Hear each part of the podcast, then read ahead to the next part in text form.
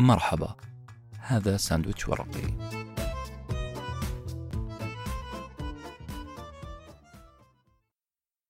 نقطة آخر السطر. كيف تعرف أن حياتك غلط في غلط؟ الجواب إذا كنت تختلق 24 ساعة في اليوم سيناريوهات حب داخل عقلك بينما يقف الشخص الوحيد الذي تحب أمامك. نعم للأسف هذا اللي يحدث لي ولك.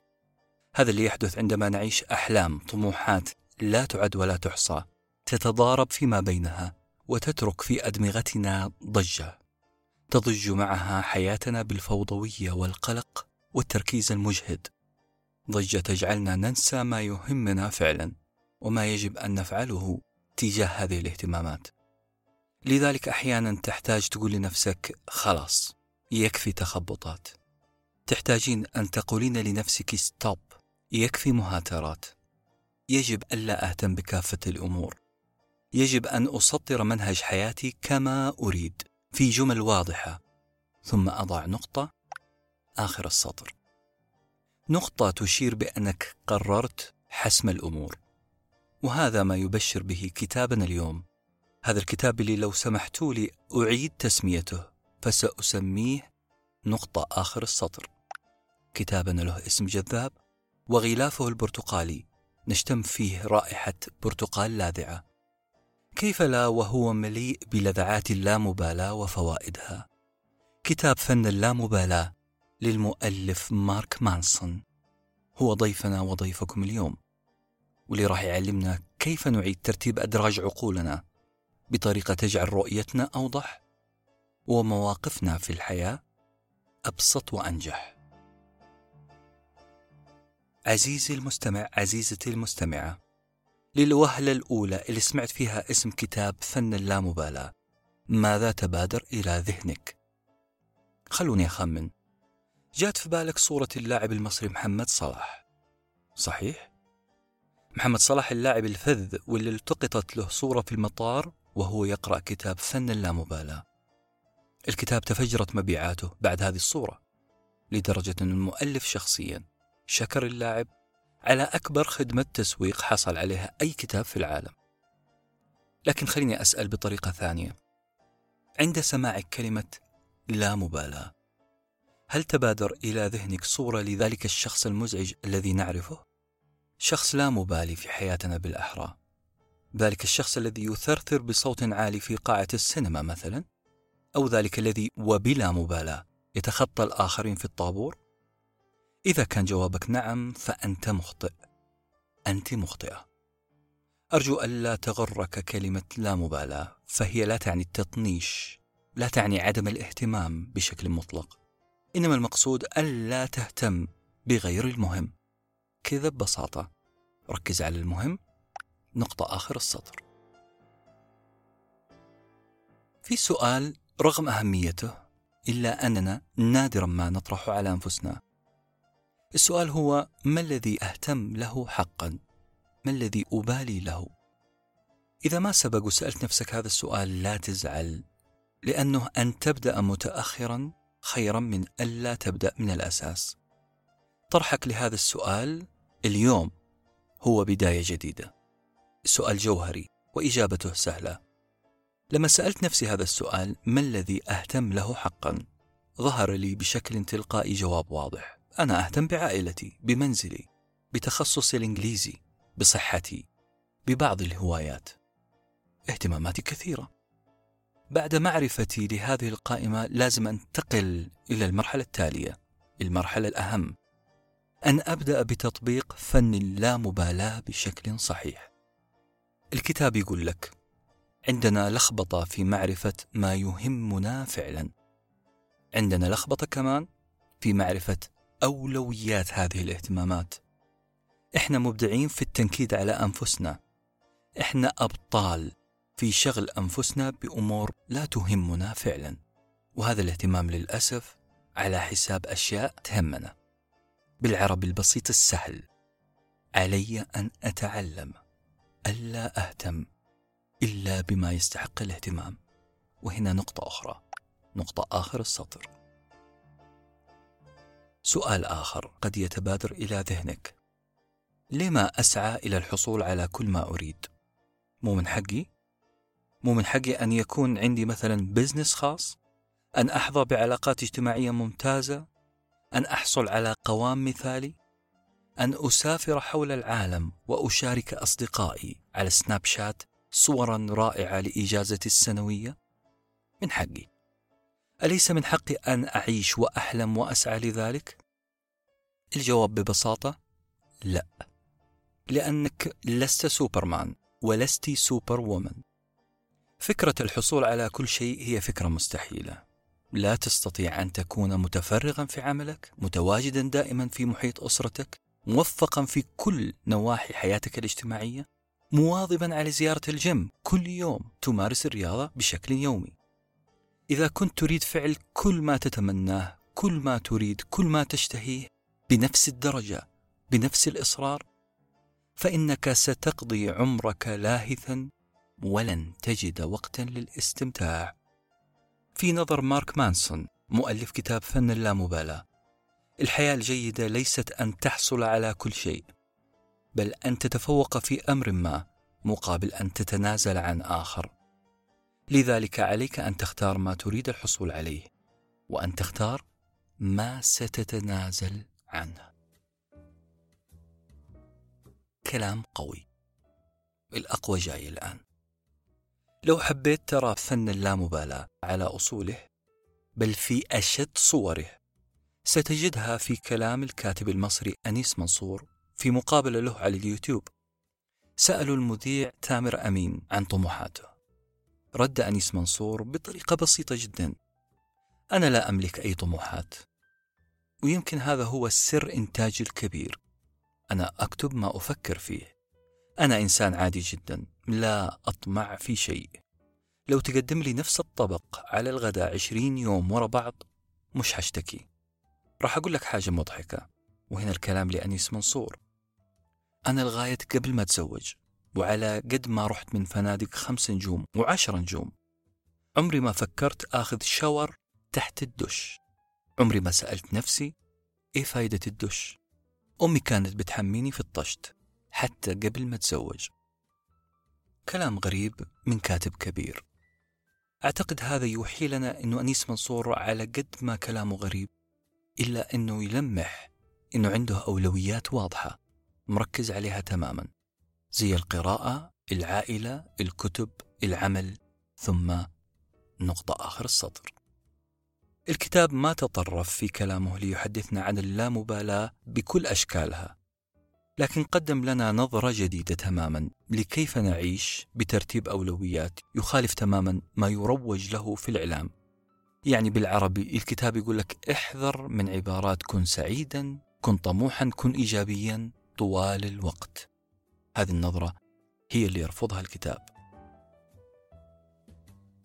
عيني في عينك عزيزي المستمع عزيزتي المستمعة. لو كنت تنتقد كتب التطوير كتب تطوير الذات طبعا والتنمية الشخصية فأنا أتفهم سبب نقدك. كتب التطوير فيها الكثير من العبارات التي تدعو إلى الإيجابية إلى نبذ الفشل إلى تجنب الصراعات بهدف تحقيق السعادة. لكن مانسون مؤلف كتاب فن اللامبالاة له رأي مغاير تماما. ما حتصدقوا هذا الكلام إذا سمعتوه. يدعو الكاتب إلى التوقف عن محاولة الشعور بالسعادة. أعيدها مرة ثانية. توقف عن محاولة الشعور بالسعادة. هذا هو ما يدعو له الكتاب بكل وضوح. يدعو الكتاب إلى الاحتفاء بالفشل. الحياة الأفضل في نظر الكاتب لا تعني صراعا أقل. بل هي قدرتك على إدارة الصراع. ووضع لنا الكتاب مجموعة من الخطط. اخترنا ثلاثة خطط عملية قدمها الكاتب لوضع نقاط لا مبالاة في سطور حياتك. أولا لا تحاول.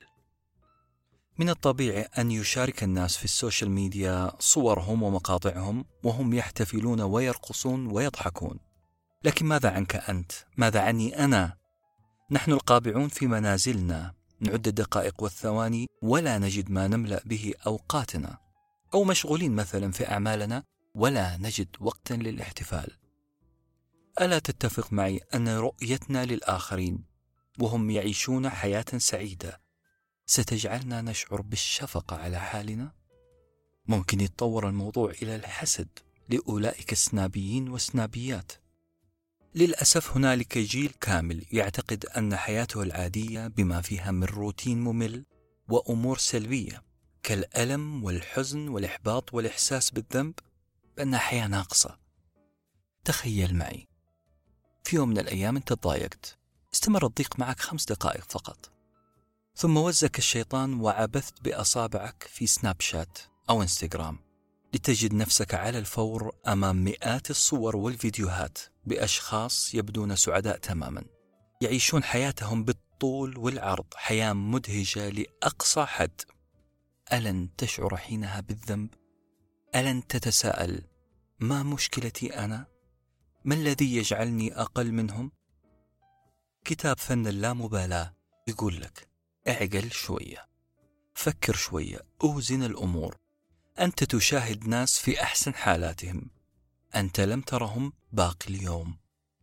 الناس كلها تعيش روتين ممل وحالات داون متكررة ولكنهم لا يظهرونها لا يوثقون إلا حالات الأبس الأبس فقط. توقف عن الاعتقاد بأن الحياة زهرية دائما سواء عندك أو عند غيرك. لا بأس أن نشعر بالإحباط بالألم أحيانا. علينا إذن ألا نحاول. أن نكون دائما سعداء. ثانيا احتضن معاناتك. يقال أن الإبداع يولد من رحم المعاناة. فهل يمكن للسعادة أن تولد من رحم المعاناة أيضا؟ هذا ما يراه الكتاب. لعل القصة التالية التي أوردها المؤلف في كتابه توضح لنا ماذا يقصد. قصة أمير عاش داخل قصره الفاخر.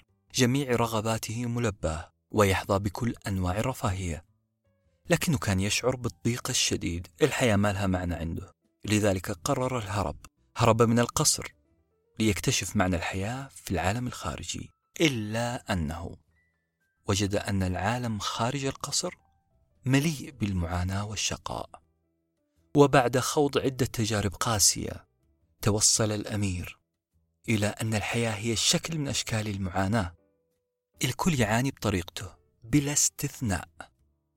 سوف يعرف الأمير فيما بعد باسم بوذا وتكمن الفكرة المركزية لفلسفة بوذا الشهيرة الألم والخسارة أمران لا مهرب منهما وعلينا أن نقلع عن محاولة مقاومتهما.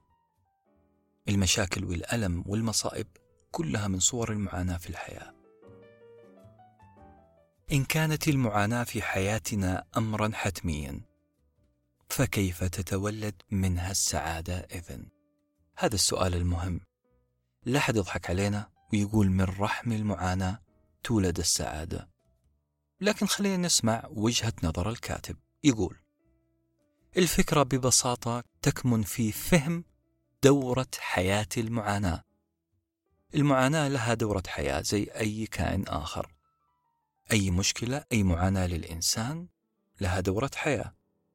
ولادة شباب كهولة ثم موت. تولد المعاناة تكبر ثم تموت. موت المعاناة هو قمة السعادة البشرية. يعني إيش هذا الكلام؟ الجوع مثلا. الجوع معاناة. إن كنت جائعا فأنت في معاناة. كلما جعت أكثر كلما كبرت المعاناة. لكن عند تناولك للطعام تموت هذه المعاناة وستشعر بالسعادة.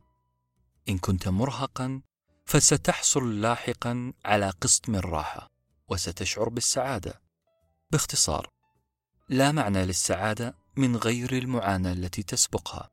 لا معنى للشبع من غير جوع لا معنى للراحة من غير إرهاق وجهد. قطبين تعاني في الأول لتتلذذ بالثاني. وعشان نضع نقطة آخر السطر نقول تذكر دائما كلمة السر. تقبل المشكلة ثم فكر في الحل وستشعر بلذة الحلول. ثالثا أنت لست استثنائيا. هاجم الكتاب التفكير الإيجابي واعتبر حركة تطوير الذات وهما لكن ليه يا ترى؟ لأنه يرى أن مشكلة هذه الكتب تكمن في أنها تقيس تقدير الذات من خلال مدى إيجابية إحساس الناس تجاه أنفسهم. كلام غريب؟ نفسرها الآن. يعني كتب تطوير الذات تحاول دائما أن تجعل إحساسك بنفسك إيجابيا لأنهم يعتقدون بأن كلما حسنت صورتك في نفسك كلما زاد تقديرك لذاتك. عندي إحساس أنك ما زلت تتساءل. ما هي المشكلة في أن أمتلك شعورا طيبا تجاه نفسي؟ بالعكس هذا الشيء جميل. جميل جدا أن تشعر بتألق وأنت تتأمل نفسك. جميل جدا شعور النشوة الذي يملأك. حلوة الثقة. فقط المشكلة إذا أصبحت تريد هذا الشعور أن يبقى 24 ساعة في اليوم كل أسبوع. المشكلة في الحاجة إلى هذا الشعور طوال الوقت. ملاحظين الفرق؟ جميل أن تمتلك شعورا طيبا تجاه نفسك. ليس جميلا أن تحارب ليل نهار أن تكون طول الوقت بهذا الشعور. يعني باختصار لو مر عليك يوم دون أن تكون فيه بطلا خارقا فلن تشعر برضا عن نفسك. هذه الكارثة هذه المصيبة. كل يوم لازم أكون بطل كل يوم لازم أكون متألق كل يوم لازم أكون استثنائي. هذه استراتيجية فاشلة توهمك بالسعادة وهي في الحقيقة توقعك في الفخ. استراتيجية أن تكون استثنائيا تمركزت حول كتب تطوير الذات كثيرا. هذا ما فطن له مارك مانسون وقال في عبارة حكيمة جدا إذا امتلك كل فرد فينا الاستثنائية فلن يكون للاستثنائية أي معنى لن يكون أي أحد استثنائي. المؤلف شطح شوية لدرجة أنه ولا مؤاخذة قال نحن مجرد قردة لا رحنا ولا جينا. كوننا نمتلك أفران متطورة وجهاز تحميص التوست وصممنا أزيان أنيقة نغطي بها أجسادنا العارية؟ كل هذا جيد لكننا لسنا استثناء. بغض النظر عن الهجوم العجيب على الإنسان وأزيائه وأفرانه إلا أن كلام مانسون في شيء يدعو للإعجاب. إحنا كبشر صرنا نكره كلمة عادي. أصبحت الاعتيادية كابوسا والاستثنائية هي الهاجس الأول. المعيار الجديد للفشل هو كون الإنسان عادي. مفتاح الصحة العقلية يكمن في قبول حقائق الدنيا حقائق الحياة العادية. حقائق من قبيل الشطر الأعظم من حياتنا سيكون عادي. ليس فيه ما يلفت الأنظار. أو يستجلب شهقات الإعجاب. عزيزي المستمع عزيزتي المستمعة هذا غيض من فيض. لم نقدم إلا النزر اليسير من هذا الكتاب. ففي البقية نقاط توقف حاسمة سطرها قلم مارك مانسون. نقاط تقول لك نحن ما نختار ونحن ما نرفض. إذا أصريت أن تكون كل شيء أن تمتلك كل شيء أن تمارس كل شيء. فلن تكون لك هوية أبدا. الكتاب مليء بأسرار. راح تفهمك ليش محمد صلاح اشترى هذا الكتاب. الكتاب البرتقالي المشع. بوصايا اللامبالاة في أمان الله. كنتم مع ساندويتش ورقي. وجبة معرفية نتشارك لذتها.